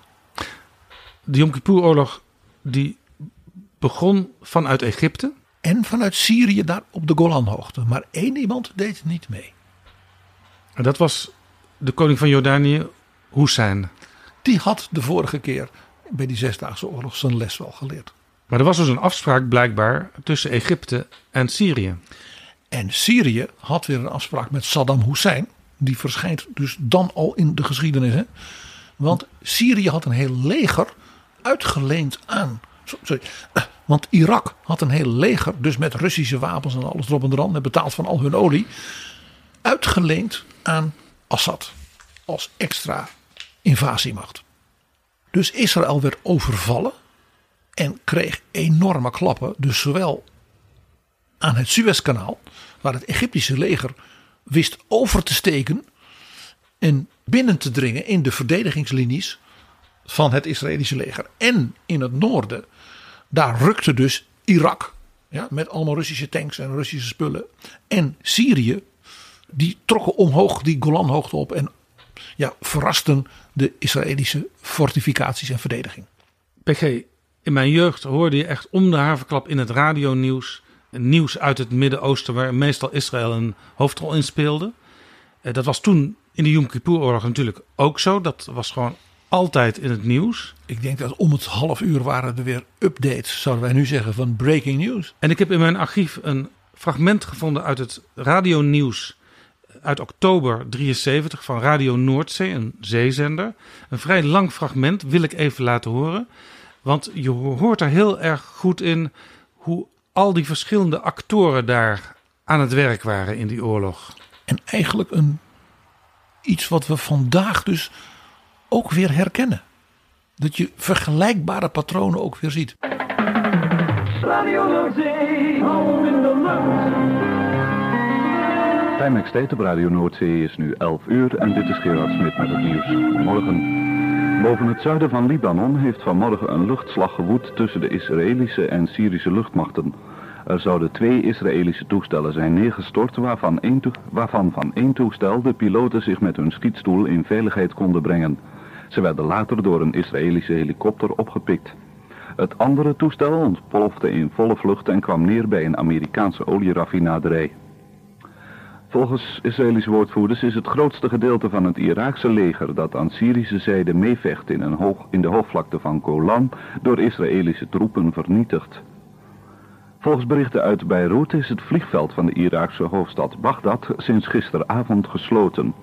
De Libanese krant Al-Nahar heeft bekendgemaakt dat in het geheim Saoedi-Arabische troepen ingezet zijn aan het Syrische front. Vanuit Saoedi-Arabië wordt op dit bericht geen commentaar gegeven. De krant meldt verder dat aan het zuidelijk deel van het Syrische front Jordaanse militairen meevechten en dat er steeds meer Jordaanse troepen aan de zuidflank opgesteld worden. Hierdoor kan de Israëlische toevoer van soldaten en materieel in moeilijkheden komen. Het dagblad weet verder te melden dat Jordanië zich vandaag officieel in de strijd zal mengen. De Oegandese president Amin heeft verklaard dat hij zich samen met zijn leger als vrijwilligers aan zal melden om aan de zijde van de Arabieren mee te vechten in de strijd tegen Israël. Amin riep ook andere staatshoofden op zijn voorbeeld te volgen. Om 12 uur krijgt u meer nieuws. Vanavond wordt in de Amsterdamse koopmansbeurs van half negen tot tien uur een solidariteitsbijeenkomst gehouden voor de staat Israël. Deze solidariteitsbijeenkomst wordt gesteund door vrijwel alle politieke partijen. De sprekers zijn de Israëlische ambassadeur, vrouw 12 van Stoetwegen, Simon Carmichelt en dominee Garsen. Auf Kurzwelle, Mittelwelle en UKW. Dit was een fragment uit het radionieuws uit oktober 1973. Na die eerste schok van de overval hebben de Israëlische strijdkrachten toch weer het initiatief genomen. Uh, met name ook daar in het noorden, bij de Golanhoogte. Niet alleen werd dus die aanvalsgolf uh, van Syrië en Irak teruggeslagen, maar ze veroverden ook nog zeg maar, de foothills van de Golanhoogten tot ongeveer bijna in de buitenwijken van Damascus. Dus dat zou voor het regime van Assad buitengewoon bedreigend zijn geweest. Zoals in dat radionieuws al werd vermeld, was die, dat leger van Saddam Hussein, dat was zo enthousiast uh, als daar gaan oprukken dat ze in de pan gehakt waren en daar was bijna niets van over. Daar in het zuiden, in de Sinai, aan het Suezkanaal, was het natuurlijk anders. Dan natuurlijk een enorm ja, waterwerk. En het Egyptische leger was erin geslaagd met pontons over te steken. En konden dus tanks en allerlei uh, materialen en troepen de woestijn laten ja. binnentrekken. Lang verhaal kort, Jaap. Uh, het Israëlische leger heeft een uitermate gewaagde operatie gedaan. Waardoor ze als het ware op een bepaalde plek, halverwege dat kanaal, zijn doorgebroken op de grens van twee Egyptische legers. Zeg maar het Noord- en het Zuidleger dat aan het wezen was. En daartussendoor heeft het Israëlische leger ook weer het Suezkanaal overgetrokken. Dus ineens stonden ze aan de Egyptische kant, om het zo ja, te zeggen. Dit komt ook heel leuk terug in die film Golda. Want die film die gaat eigenlijk over precies deze periode. En daar zie je de militaire strategen aan de premier uitleggen hoe dat dan gaat en hoe je dan zo'n tegenstander kan insluiten. En dat doen ze onder andere met uh, lucifersdoosjes en pakjes sigaretten die ze verschuiven. Maar ja, die waren er natuurlijk ook heel veel bij Golda altijd hè, op het bureau. Luciferdoosjes en pakjes sigaretten. Even voor de geschiedschrijving, Jaap. De waaghalzerige aanvoerder van de tanks die op die manier die, dat kanaal ineens overstaken en dus het Egyptische leger ineens in de rug konden aanvallen, dat was Ariel Sharon. Ja, Ariel Sharon, daar wordt ook over geklaagd in de film. Eh, Want er wordt gezegd, ja, hij is daar bezig op dat terrein.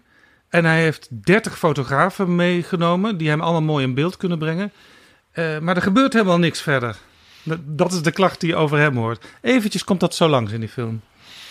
Wat je in alle boeken over oorlogen, over bepaalde generaals eh, wel hoort. Ja, Patton, Montgomery, Moshe Dayan en dus ook Ariel Sharon. Wat natuurlijk erg hielp voor Israël was dat natuurlijk die enorme klap in het begin leidde tot hele zware, ook materiële verliezen. Maar Israël werd geholpen door een soort luchtbrug eh, in opdracht van president Nixon. Want die had natuurlijk strategisch wel begrepen. Kijk, als Israël militair zou worden verslagen. Dat dat natuurlijk voor hem als president ja, iets was. eh, ja, dan kon je een impeachment krijgen, zal ik maar zeggen. Dat dreigde toch al hè, vanwege Watergate. Dus dat kon hij zich niet veroorloven. En die luchtbrug, ja, die moest natuurlijk van Amerika via Europa naar het Midden-Oosten. Nou, gelukkig was er een land in Europa dat eh, zei: wij doen onze ogen dicht. Kom maar. Ja, dat was Nederland. En daar moet ik even iets bij vertellen. Daar gaat iets aan vooraf aan dat verhaal eh, PG. Want dit speelt natuurlijk in 1973. Maar ik vertelde al, Joop den Uyl was fan van Golda Meir. En die was toen net premier. Ja, maar toen die net leider was geworden van de Partij van de Arbeid in de Tweede Kamer. Toen had je al die Zesdaagse Oorlog. En toen sprak den Uyl in Amsterdam in de Oude Rij hartverwarmende woorden voor Israël. Ik citeer hem, want dan weet je hoe hij erin stond. En ik citeer uit een eh, artikel dat Max van Wezel daarover heeft geschreven eh, in 2017 in Socialisme en Democratie. Joop den Uyl. Dit is Amsterdam dat opkomt voor Jeruzalem. Ik verplicht mijzelf en mijn partij de belofte tot onafhankelijkheid van Israël na te komen. In Israël is de democratie en het socialisme verwezenlijkt. Zij mogen niet ondergaan. Wij zijn thans soldaten voor de vrede van Israël. En de steun voor Israël in Nederland was op dat moment zo groot dat zelfs de meestal rebelse jongeren van de Partij van de Arbeid en ook van de veel radicalere PSP Israël steunde. Zelfs Provo ging in Den Haag de straat op om steun voor Israël uit te spreken. Dat was dus in de Zesdaagse Oorlog. Dus Joop den Uyl had niet alleen dat portret van Golda op zijn bureau. Maar je hoort hier de Joop den hè, die van partijcongressen en zelfs van kamerdebatten en dergelijke. Met een niet te stuiten vuur eh, eh, spreken. Eh, het diep uit zijn tenen kwam het. Wat prachtig de Max van Wezel, onze goede vriend Max, dit nog weer uit de geschiedenisboeken tevoorschijn had getoverd. En nu pak ik de biografie van Joop den Uyl erbij, geschreven door Annette Blijg. De vrouw van Max. Wat die schrijft over een hele geheime operatie tussen Nederland en Israël. Waar zelfs Joop den Uyl, blijkt uit dit boek, op het moment zelf niets van wist. Die operatie die is in gang gezet door minister van Defensie Henk Vredeling en zijn staatssecretaris Bram Stemerdink. En dat waren twee PvdA'ers. Vredeling van zeg maar, die meer klassieke Den Uylvleugel. En Stemerdink was een, een van Nieuw Links. Ja, en eh, Vredeling zei niks tegen Den Uyl, want hij dacht, ja, dan gaat hij ook Max van der Stoel, de minister van Buitenlandse Zaken, erbij betrekken. En Bram Stemerdink, die heeft aan Annette Bluig verteld, ik had geen enkele moeite om daaraan mee te doen.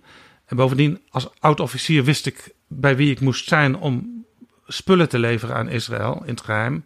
Laat mij dat maar regelen. En hij zei tegen Vredeling, Stemerdink, mocht het ooit fout lopen, dan zeg je gewoon dat het een solo-actie was van de staatssecretaris. Later, toen die hele oorlog al voorbij was, toen ontmoette Den Uyl Golda Meir op een bijeenkomst van de Socialistische Internationale. Golda zag Joop den Uyl en vloog hem om de hals om hem te bedanken. En dan citeert Annette Blijg Bram Stemerdink. Joop dacht dat het was voor het openstellen van het Nederlandse luchtruim voor Israëlische transportvliegtuigen. Dat heeft hij in de fractiecommissie Buitenland gezegd. Vlak voor zijn overlijden heb ik het nog een keer met Joop over gehad. Hij zei: Ja, Bram, ik vermoedde wel iets dat jullie bezig waren. Maar dat was dus achteraf, zegt Stemerdink. En Den Uyl kon het absoluut niet, niet hebben dat hij iets niet wist. Dus ook niet dat hij dit niet zou hebben geweten. Minister Vredeling dacht: ik doe dit. Ik laat ook de Israëlische transportvliegtuigen in Nederland landen. om dus die Amerikaanse spullen, hè, die Kissinger had laten brengen, zou ik maar zeggen, Nixon in Nederland, op te halen en zo snel mogelijk naar Israël te vervoeren. En wat niet weet, meneer de minister-president, wat niet deert. En wie in die tijd ook al betrokken was, was de jonge politicus Joseph Biden, nu de president van de Verenigde Staten. Joe Biden was in 72 gekozen tot senator. En zat dus als junior senator van de staat of Delaware in de commissie buitenland. En bezocht in die Yom Kippur oorlog Golda Meir. Het is een verhaal dat Biden al vaker verteld heeft. En Biden refereerde er onlangs opnieuw aan toen hij in Israël met premier Netanyahu had gesproken. I'm here to tell you the terrorist will not win. Freedom will win. So let me end where I began. Israel, you're not alone. The United States stands with you. I've told the story before and I'll tell it again of my first meeting with an Israeli prime minister 50 years ago as a young senator. I was sitting across from Golda Meir at her desk in her office. And she flipped the maps up and down, t- telling me how bad things were and how terrible they were. All of a sudden, she looked at me and she said, Would you like a photograph? I looked at her. She got up from her desk and walked out into that hallway. I think it's marble flooring. Walked out in the hallway. We walked out, and there were a bunch of photographers standing in front of us. We were standing shoulder to shoulder. Without her looking at me, she said to me, knowing I'd hear her, Why do you look so worried, Senator Biden? And I said, Worried? Like, of course I'm worried. And she looked at me and she didn't look. She said, We don't worry, Senator. We Israelis have a secret weapon. We have nowhere else to go. Well, today, I say to all of Israel, the United States isn't going anywhere either. We're going to stand with you. We'll walk beside you in those dark days.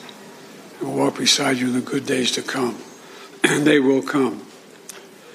As you say in Hebrew, which I'm not going to attempt to do because I'm such a terrible linguist, I'll say it in English. The people of Israel live. The people of Israel live. Israel will be safe, secure, Jewish, and democratic state today, tomorrow, and forever. May God protect all those who work for peace. God save those who are still in harm's way. Thank you very much. Mr. President, what is your Dit is dus een, een, een sleutelmoment ook in eh, zeg maar, de geopolitieke wording van Joe Biden geweest destijds. Jaap, Joe Biden was toen dus net senator. Hij mocht ook pas senator worden toen hij 30 was geworden. Hij was gekozen, maar officieel kon hij nog niet eens als het ware ingezworen Want dat worden. was de wet. En hij was daar natuurlijk bij Golda Meir. En laten we even onthouden, Golda Meir was op dat moment 76. Dus ze kon zijn moeder zijn, ze kon wel eens bijna zijn grootmoeder zijn. De Yom Kippur oorlog, Jaap, die eindigde in een soort wapenstilstand. Waarbij eh, Syrië zei, oké, we stoppen als dan de Israëli's uit die buitenwijken van Damascus, waar ze bijna waren, zouden terugtrekken. Want Israël was natuurlijk helemaal niet van plan om zeg hele stukken van Syrië te bezetten. Maar die extra heuvels aan de voorkant, hè, dat balkon voor de Golanhoogte, die hebben ze wel gehouden. En het Egyptische leger was natuurlijk omsingeld aan het Suezkanaal door Ariel Sharon. Dus daar is men toen ja, gaan onderhandelen. En daar heeft dus Henry Kissinger een heel belangrijke rol gespeeld. Want dat Egyptische leger dat werd afgeknepen. Dus die kregen geen eten, geen water. Ach, je denkt ineens nu ook weer aan wat er nu gebeurt. Ja. En wat gebeurde er? Dus die soldaten die gingen deserteren. Ja, niet officieel, maar s'nachts. En steeds meer. Zodat dus het Israëlische leger, hè, aangevoerd door Sharon, elke nacht nog meer Egyptische soldaten hadden. Die kwamen smeken om iets te eten en om water. En die werden dan natuurlijk ergens opgeborgen. Want dan Ja. viel er wat te ruilen. Ja, want zo hard gaat dat. Ook dat doet weer aan vandaag denken. Het waren natuurlijk toch een soort gijzelaars. Dus president Sadat, waarvan je zou denken, nou die is natuurlijk nu een verschrikkelijke nederlaag geleden. Die bleef heel cool. Die heeft dus gezegd, nou ja, laat Kissinger maar komen. En Kissinger heeft dus onderhandeld dat, dat, dat dus die, die omsingeling werd opgeheven. Dus die Israëlische troepen gingen weer naar de andere kant van het Suezkanaal. En uiteindelijk werd er een regeling gevonden dat dus en Israël en Egypte als het ware een soort gedemilitariseerde zones langs dat kanaal zouden maken. Zodat ze niet meer met elkaar in aanraking waren en dat toch weer geschoten werd. Dus het was een, wat wij nu kennen, een frozen conflict. In Israël op dat moment was er natuurlijk, want ja, het is een democratie. En natuurlijk een onderzoekscommissie naar wie heeft hier zulke grote fouten gemaakt. Dat wij op Yom Kippur verrast werden. Waarom was de Mossad niet uh, alert? Waarom was de legerleiding niet Ja, alert? je begint die film over Golda Meir mee. Zij komt het zaaltje binnen van die onderzoekscommissie waar zij verhoord wordt. De premier die dus gewoon zich moet verantwoorden. Met haar handtasje. En aan het eind van de film vraagt iemand ook nog uit die commissie: Maakt u zich dan geen zorgen over al die eh, honderden, duizenden doden die er vielen, ook aan onze kant?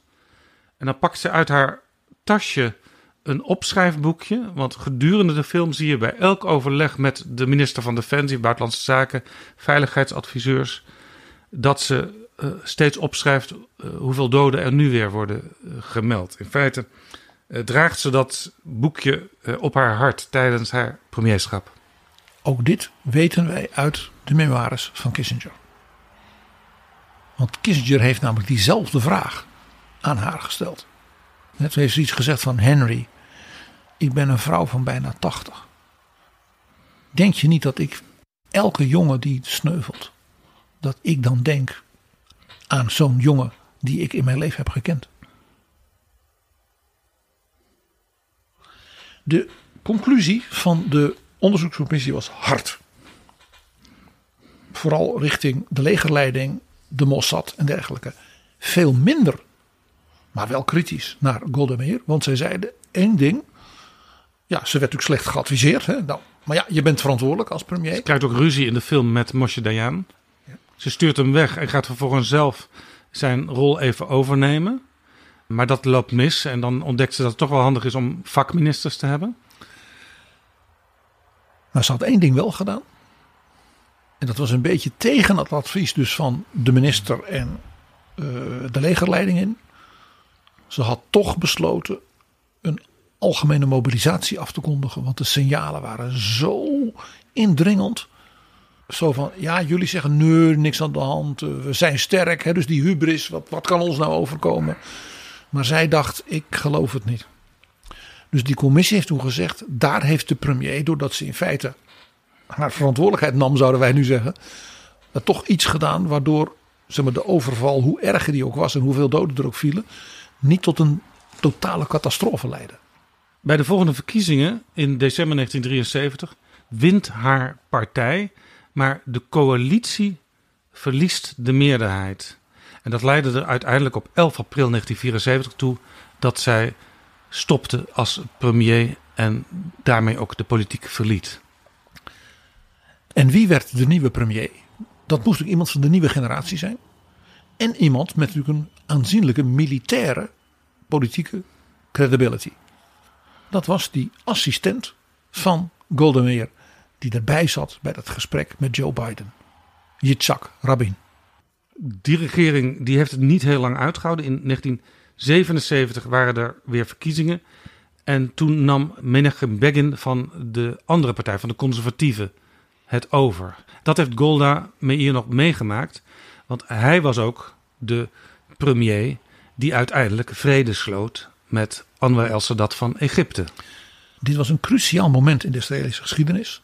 Want deze regering van de Likud-partij was dat voor het eerst in de geschiedenis. Daarvoor had Israël alleen maar kabinetten onder leiding van dus die arbeiderspartij. Dus in feite die opvolger van de jaren twintig van Meir in de Histadrut. Ja, de, en dus zeg maar de, de Jewish Agency. De partij van Joop ten Uyl, zeg maar, ja. vanuit Nederland gezien. Ja. En daarmee kwam ook een nieuwe fase in de binnenlandse geschiedenis van Israël van sterkere polarisatie en ook versplintering. Maar ja, ik denk dat we daar ook met dus de komst daarna van Netanyahu en alles wat daar gebeurde een andere keer moeten doen. Ja. Want Jaap, jij wees erop. Er was natuurlijk nog één iemand in dat Midden-Oosten die een strategie volgde. En dat was president Sadat. Die strategie, ik gooi de Russen eruit. Ik doe iets militairs dat Israël toch onder druk zet. En dan ga ik tegen Amerika zeggen: ja, Henry, eh, jullie moeten nu voor vrede gaan zorgen. Want jullie kunnen dat. Jullie kunnen Israël onder druk zetten. Dat kon het Kremlin niet. Dat gebeurde ook. Maar ja, eh, president Nixon kwam ten val door Watergate. En de positie van Kissinger was daardoor ernstig verzwakt. Die heeft wel een serie shuttle diplomatie gedaan. En die ook succesvol was. Maar kon niet leiden tot dat land voor vrede. Daarbij kwam dat de Arabische landen allemaal natuurlijk zeiden: Sadat is een held. Die heeft de Israëli's aan de Sinai verslagen. Dus die zeiden allemaal: we gaan nu samen Israël onder druk zetten. Dus toch nog weer had hij dus die Assad en Arafat en dergelijke als daar aan zijn jaspanden hangen. Ja. Dus Sadat heeft toen die regering van Likud aan het bewind was gedacht van ik ga nu een enorme gok doen. Hij heeft toen in een toespraak gezegd van het duurt mij allemaal veel te lang. Want we hebben wel van die tussenakkoorden, maar dat levert uiteindelijk geen vrede op. En die Menachem Begin, ja, dat is een, dat is een harde rechtse uh, Israëlische premier. Uh, die, die heeft zoiets van: uh, ik ben vooral met het binnenland bezig. Dus er zit maar één ding op. Ik moet zelf het initiatief nemen. Dus op 9 november 1977 meldde hij in Cairo dat hij het regeringsvliegtuig zou nemen. En naar Israël zou vliegen. Om gewoon zelf te gaan praten met de Israëlische regering over een vredesverdrag. Dat was dus een schok voor de Arabische wereld. En voor, en voor Israël. Want Menachem Begin en zijn mensen waren natuurlijk op van alles voorbereid, ongetwijfeld. Maar niet op dat het Egyptische regeringsvliegtuig zou landen op Ben Gurion Airport voor besprekingen. Sterker nog, uh, Sadat zei: Ik wil niet alleen bespreken, ik wil het Israëlische volk toespreken. Ik wil gewoon zeggen: Hier staat de president van Egypte en die wil vrede met u. Dus kan u niet regelen dat de voorzitter van de Knesset, van het parlement, mij spreektijd geeft? Ik zal maar zeggen, tussen de, de behandeling van de wet voor de, voor de waterleiding en uh, het, het, uh, het overleg over de, de gestegen zorgkosten zodat ik via het parlement het volk kan toespreken. Een enorme gok dus van Sadat. Ja, uh, ik, ik, lees één zin voor uit het historisch overzicht van het State Department in Washington. This move stunned the world. ja, korter kun je het niet zeggen. Hij dumpte dus niet alleen het Kremlin, wat hij al gedaan had, maar in feite dumpte hij dus ook zijn bondgenoten. Assad, de PLO en moest dus hopen dat bijvoorbeeld de Arabische sheiks en Saudi-Arabië bereid zouden blijven hem toch te financieren. En natuurlijk ook dat zijn eigen bevolking dit ook zou pikken. Dus hij moest terugkomen met vrede. En met uitzicht op dat de Sinai weer terug zou komen. Want als hij dus weer een soort halfhartig, soort demilitariseren zone die dan 10 kilometer verderop zou komen, dan zou men zeggen: ja, daar hebben we niks. Dus het was een gok naar alle kanten. Ja, en wie ook een rol ging spelen toen was de Amerikaanse president Jimmy Carter. Want die was de echte opvolger van Nixon. En was in dat opzicht ook min of meer vrij van die hele voorgeschiedenis. Dus dat was een voordeel. Nou, bij dat bezoek van Sadat aan Jeruzalem en aan de Knesset heeft hij op 21 november ook een gesprek gevoerd met Golda Meir. 1977. En daar begon deze editie mee. En ik wil één klein detail daaruit, Jaap, nog even laten horen. It must go on, face to face, between us and between you, so that even an old lady like I am will live to see the day. I'm always saying this. You always call me an old lady, Mr. President. She's not as old as that. Hier hoor je de hoogbejaarde Golda Meir met nog altijd die slagvaardigheid en die humor waar zij dus zo op beroemd was. Zij werd natuurlijk in haar eigen huis door haar eigen minister soms waarschijnlijk ook wel als dat oude mens eh, beschreven. Dan hoort het misschien niet rechtstreeks, maar ze wist het wel. Het ging nog gekker. Zij citeerde hier president Sadat zelf. Want in zijn toespraken tot het volk, als hij dan natuurlijk schimpt op Israël, dan had hij het in het Arabisch. Dat oude wijf. Dus het feit dat zij nu zei: Ik ben wel dan wel een old lady. En je hoort dus ook die schaterende Sadat. En dus de rest van de Egyptische delegatie. Want die begrepen onmiddellijk. Wat is ze dus nog vief, hè, geestelijk. Ze zit Sadat eigenlijk een beetje te trollen, zouden wij nu zeggen. Met zijn eigen citaat.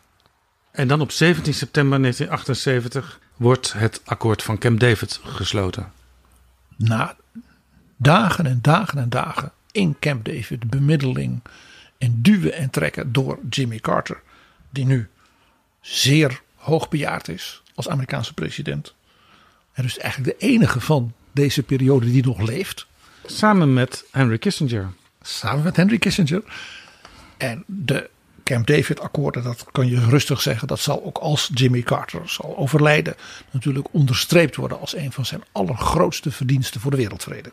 17 september 1978, de Camp David akkoorden. Golda Meir heeft dit vredesverdrag met Egypte nog meegemaakt, maar stierf in december van datzelfde jaar.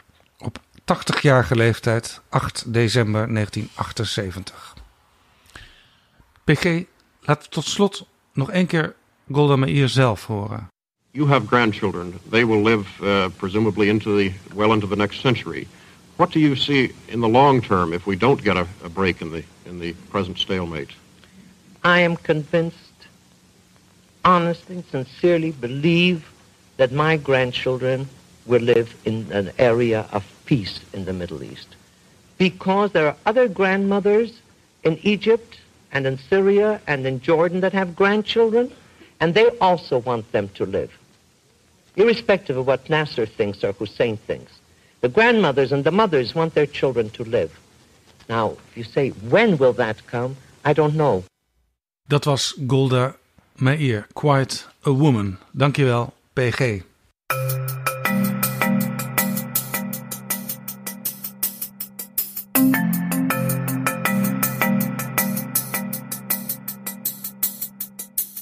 Zo, dit was Betrouwbare Bronnen, aflevering 377. Deze aflevering is mede mogelijk gemaakt door de vrienden van de show. De luisteraars die ons uh, verblijd hebben met een donatie. En je wordt officieel vriend van de show als je die donatie ook structureel maakt. Dus bijvoorbeeld 4 euro per maand. Een van onze luisteraars, Rob uit Best, schrijft ons... Ik luister de podcast altijd op de fiets. En ook deze keer moest ik weer wat kilometers omfietsen om hem af te luisteren. De geschiedenisafleveringen, zegt Rob, zijn altijd top. Dankjewel Rob. En Dof uit Lent schrijft... Ik luister al vanaf het begin naar jullie afleveringen en ik verheug me altijd weer op de volgende. Ik leer er veel van. Het is net alsof ik weer college krijg en dat bedoel ik zeer positief. Magnifiek. En dankzij jullie steun gaan we nog heel lang door. Tot volgende keer. Betrouwbare bronnen wordt gemaakt door Jaap Jansen in samenwerking met dag en nacht.nl.